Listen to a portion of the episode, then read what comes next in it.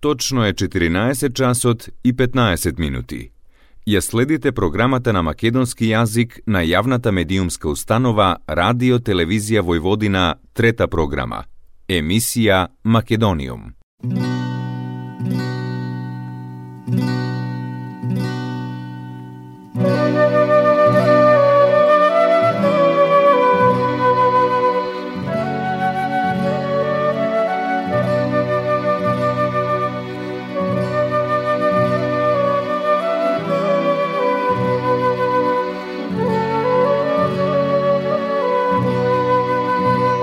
Македониум.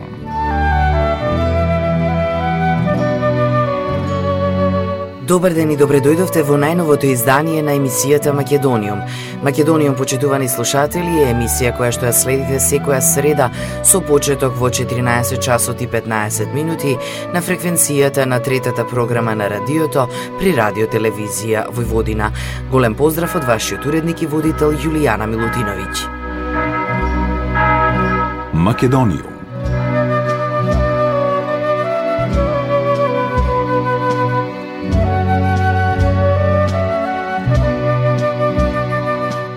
За време на изминатиот викенд од 29 до 31 октомври во Нови Сад беше одржана меѓународна научно-стручна конференција предизвици на целоживотно учење во 21 век во Заводот за заштита на природата на Војводина, Природонаучен музеј, во рамките на проектот Потреби на наставниците за целоживотно учење во контекст на образованието за 21 век, а во реализација на тренинг центарот Коцевски од Нови Сад, координатор и во соработка со партнерските организации Удруга Звоно од Загреб, Отворете ги прозорците од Скопје и Друштвото на учители од Нови Сад, а во рамките на програмата Erasmus+. Македонското здружение од Нови Сад Свети Кирил и Методи беше покането да учествува на оваа конференција, дели работна како преведувач од македонски јазик, а учествуваа и гости од Македонија кои се представија со своји научни трудови. Убавка Бутлеска, педагог во основното училиште Манчу Матак од Кривогаштани, со тема професионален развој на наставниците и стручните соработници, состојба, проблеми и можни решенија, Диана Каравилоска од истото училиште со тема улогата на директорот во личниот професионален развој на наставниот кадар во училиштето, магистар Жанета Здравковска од основното училиште Елпида Караманди од Битола со тема области на стручно усовршување на наставниците и професор Славица Дабевска Кировска од Тетово со тема текстуални и проблемски задачи, вештина за когнитивен развој и потреба за доживотно учење.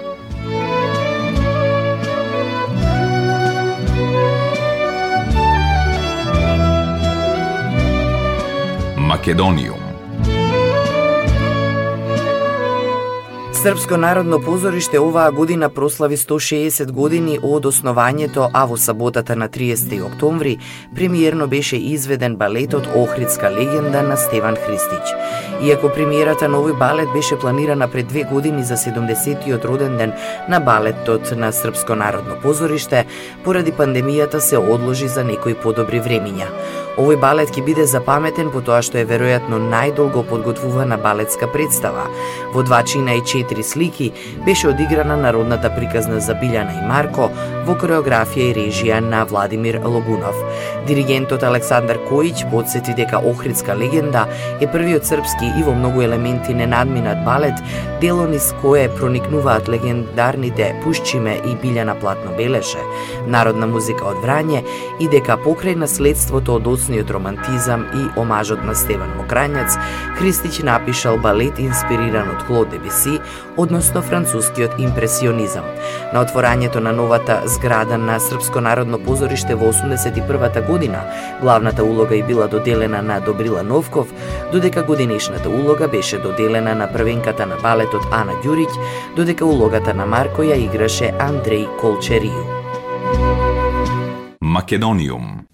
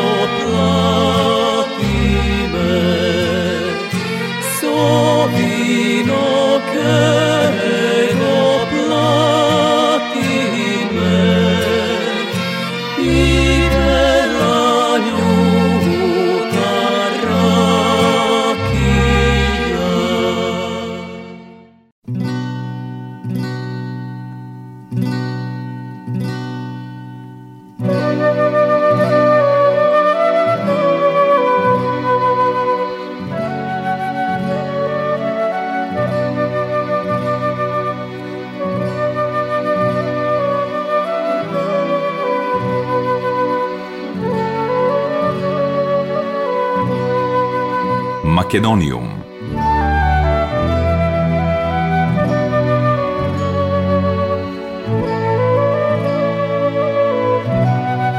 Одборот за доделување на наградата 13 ноември на град Скопје По спроведеното тајно гласење, официјално ги објави добитниците на наградата 13 ноември на град Скопје за 2021 година. Тајното гласање го спроведе комисијата што ја именува одборот, а во следниот состав. Председател Вангелина Мојановска и членови Лорета Георгиевска Јаковлева, Газанфер Байрам, Севда Елдемири, Халил Зендели, Бранко Цветковски, Виолета Томовска, Петре Арсовски, Роландо Кутиров, Љубиша Станковиќ и Даница Стојановска. Добитници на наградата 13 ноември на град Скопје за 2021 година се од областа на науката професор доктор Денко Малески, професор во пензија за посебен долгогодишен придонес во развојот на науката и високото образование.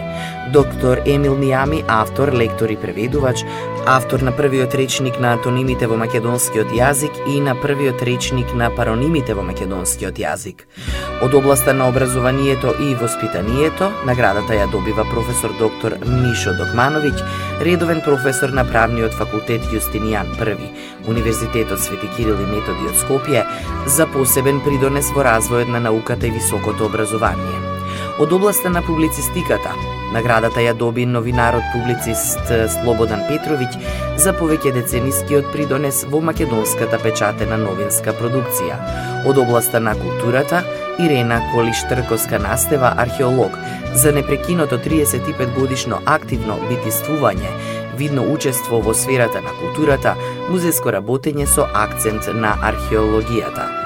Писателката, поет и прозаист Лилијана Пандева ја добива наградата за достигнување во областа на македонската современа книжевност и придонес како лектор по македонски јазик. Од областа на уметноста Емилија Джипунова, балетски уметник и балетски критичар, за долгогодишен придонес во развојот на балетската уметност во државата и надвор од неа. Од областа на здравствената заштита, наградата 13 ноември ја добива и медицинскиот тим на лекари, кој ја изведе првата операција во Република Северна Македонија имплантација на вагус нерв стимулатор кај пациенти со епилепсија резистентна на лекови. Доцент доктор Владимир Рендевски, доцент доктор Венко Филипче, професор доктор Владимир Башчаревиќ, професор доктор Емилија Цветковска, доктор Бојан Бошковски, доцент доктор Иван Барбов, асистент доктор Благој Шунтов, доктор Радмила Панговска и доктор Јасна Бушиноска. Исто така, оваа награда ја доби и тимот за имунизација од COVID-19 при Здравствен дом Скопје за исклучителна ангажираност и несебичен придонес во процесот на имунизација на населението. Од правните лица наградата 13 ноември ја добива и Институтот за македонска литература Скопје за 40 годишна работа во областа на науката, образованието и културата и реализирани проекти за заштита на културното наследство во соработка со град Скопје, основното училиште Кирил и Методи од село Стајковци за постигнати извонредни резултати во наставниот процес и во наставните активности во училиштето и надвор од него. За лице од друга држава, Раде Шербеджи е добитникот на годинешната награда 13 ноември, режисерот и актер кој што ја добива оваа награда за голем придонес во културно-уметничкиот живот и афирмација на град Скопје преку филмот Ослободување на Скопје. Добитничка на наградата 13 ноември е ученичката Сандра Недановска од Јахја Кемал од Скопје за континуирани успешни постигнувања во наставните и вон наставните активности што представуваат особен придонес за напредокот и афирмацијата на град Скопје во државата и надвор од неа. Наградата 13 ноември на град Скопје се доделува на физички и правни лица, како знак на признание од градот Скопје за остварување во стопанството, науката, уметноста, културата, воспитанието и образованието, здравствената и социјална заштита, спортот и физичката култура, техничката култура, заштитата и унапредувањето на животната средина и природата, како и во други сегменти на животот, трудот и творештвото, што представуваат посебен придонес за развојот на град Скопје и за неговиот севкупен напредок и афирмација во Република Северна Македонија и во светот. Наградата се доделува и на физички и на правни лица од други држави кои оствариле посебен придонес за градот. Исто така оваа награда се доделува и на ученици и студенти за творечки труд или континуирани успешни постигнувања во наставните и вон наставните активности, што представуваат посебен придонес за напредок и афирмација на град Скопје. Македониум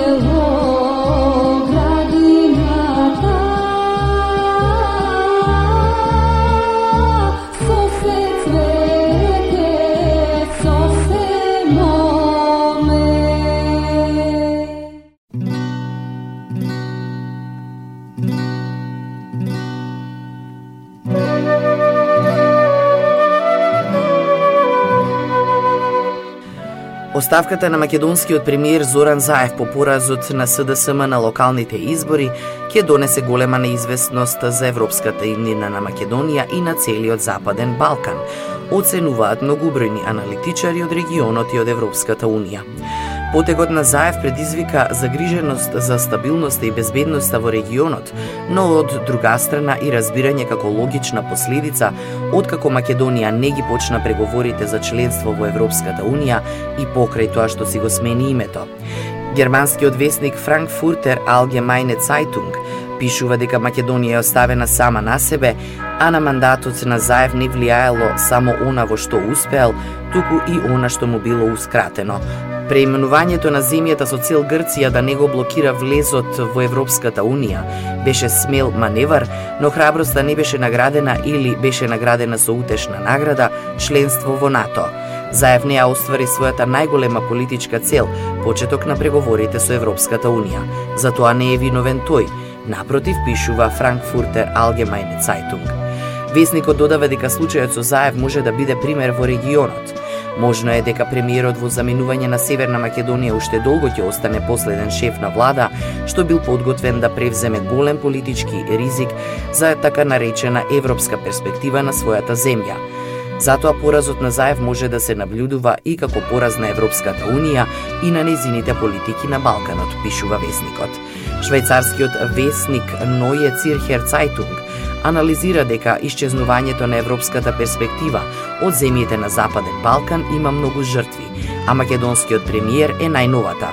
Медиумот оценува дека во Македонија има огромна фрустрација поради секогаш новите пречки во евроинтеграциите, со кои се прикрива фундаменталното одбивање на проширувањето од делот членките на Европската Унија. Тоа растечко незадоволство беше се повеќе насочувано кон Заев, па дури и многу симпатизери сметаат дека промената на името не се исплатела. Националистичката опозиција и онака од секогаш го отфрлуваше договорот со Грција, пишува медиумот и додава дека од друга страна Заев не ги исполнил предизвиците на домашен терен како борбата со корупцијата. Српскиот председател Александар Вучиќ смета дека Заев поднел оставка поради неговото лично разочарување од Европската Унија. Зборував со луѓето од регионот, со Еди Рама, дали ќе можеме и како да ја засилиме иницијативата Отворен Балкан. Оставката на господинот Заев не е резултат на локалните избори, туку и на неговото лично разочарување од разговорите со Европската Унија. Рекоа дека ако го подпише преспанскиот договор, Северна Македонија ќе добие отворање на преговорите со Европската Унија, а тоа не се случи, изјави Вучиќ во Глазгов, каде што учествуваше на климатскиот самит. Поранешниот бугарски вице-премиер Красимир Каракачанов оценува дека Македонија влегува во опасни турбуленции, а Заев пропуштил шанса да го реши прашањето со Бугарија. Голема заблуда е да се мисли дека без јасна перспектива на последиците може да се решат горливите проблеми таму. Се можеше да биде далеку поедноставно доколку Заев и неговата влада направеа напори за спроведување на договорот за добрососедство. Преговорите со Европската Унија би биле во тек, а во нив Северна Македонија би го имала бугарското рамо, како што се обврзавме, смета тој. Според подпредседателот на Мешовитата комисија од бугарска страна Наум Кајчев, ако дојде до промена на власта во Македонија ќе се повтори управувањето на Никола Груевски и ВМРО ДПМН од предходниот мандат, но во поомекната форма и со оддалечување на земјата од евроинтеграцијските процеси. Промената на власта би била неблагопријатна пред се за самата Македонија, но во крајна сметка нејзината иднина е во рацете на нејзините граѓани, изјави Кајчев за Радио Фокус. Грчкиот вестник Катимерини анализира дека оставката на премиерот Заев ја менува равенката. Северна Македонија се најде во непознати води откако Заев ја презеде одговорноста за големиот пораз на неговата социјалдемократска партија.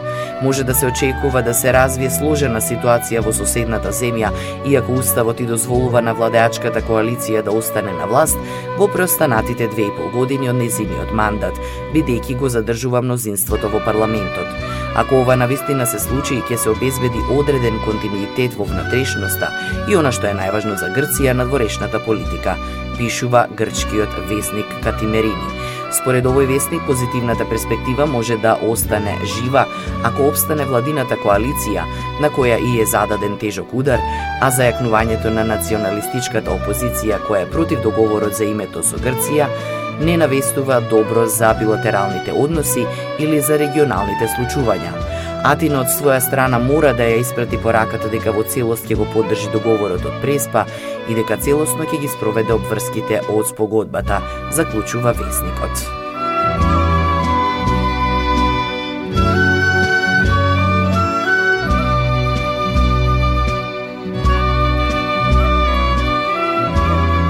Поттикнувањето на регионалната соработка преку иницијативата Отворен Балкан продолжува на работен состанок денес и утре во Белград, на кој што во име на владата на Република Северна Македонија ќе учествува вице-премиерот за европски прашања Никола Димитров. Агендата за работниот состанок што се организира во соработка со Атлантскиот совет опфаќа панел дискусија на тема Дигиталната трансформација како подадена рака за регионална интеграција, на која ќе бидат усвоени заклучоци, пошто ќе биде одржана и пресконференција. Воедно предвидени се лидерски средби и средби со представници на компании од Северна Македонија, Албанија и Србија, на кои ќе биде разговарано за олеснување на трговијата. Верувам дека ќе дојде господин Димитров и уште некој кој го заменува господин Заев во владата. Ке имаме многу важни разговори и мислам дека сами можеме да ја менуваме нашата иднина многу подобро отколку да дозволиме некој друг да ја менува, изјави председателот на Република Србија Александар Вучиќ. Најавеното повлекување на Заев и на вториот ден се анализираше и во регионот и во Србија, од каде повеќето проценки се дека без разлика на финалниот епилог, идејата Отворен Балкан ќе преживее и ќе продолжи да се развива. Оваа криза на власт во Македонија ја внесува земјата во едно ново транзицијско време, кое мене многу ме подсети на нешто што можевме да го видиме во Црнагора и дека можеби последните избори за кои верувам дека ќе бидат вонредни, ќе дојде до формирање до една експертска влада која ќе мора да води сметка за своето обкружување, но и за намерите на Европската Унија да одржува еден вид на дворешно политички статус кво на овие простори, изјави за Радио Телевизија Србија Владимир Тодич, историчар. Иницијатива, популарно наречена Мал Шенген, се формираше пред две години, замислена како мост кон иднината на Западен Балкан и почеток на нова ера во регионалната соработка меѓу трите земји. На последната средба во Скопје во јули, тројцата лидери ставија подпис на договори за слободен проток на стоки, укинување на работните дозволи и соработка за заштита од природни катастрофи. Главната цел е од 2023 година практично да се укинат границите меѓу трите земји. На агендата денес и утре, освен панел дискусија, предвидени се и лидерски средби и средби со представници на компании од Македонија, Албанија и Србија, на кои што ќе биде разговарано за олеснување на трговијата. Македониум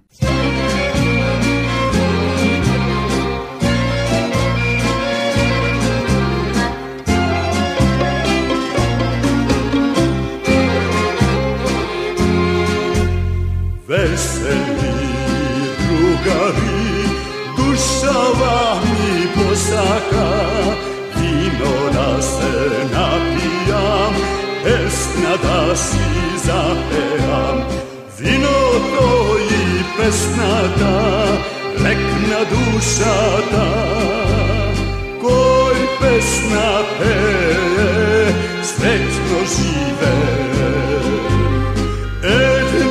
sesine El umira Vreme dominува Ne se zapira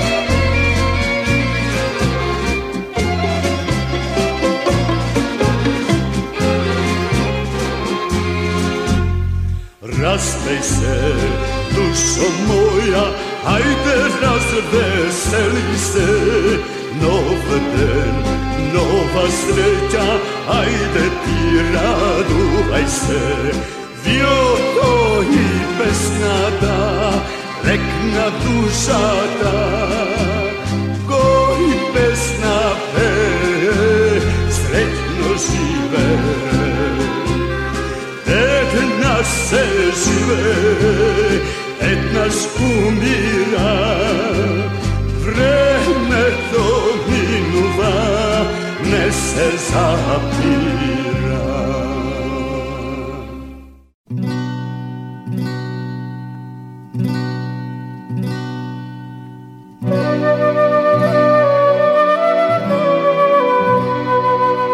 Почитувани слушатели, тоа беше се во денешното издание на емисијата Македониум.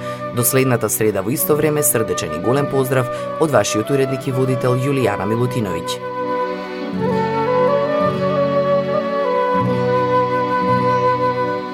Ја следевте програмата на македонски јазик, емисија Македониум. Главен и одговорен уредник Воин Поповиќ.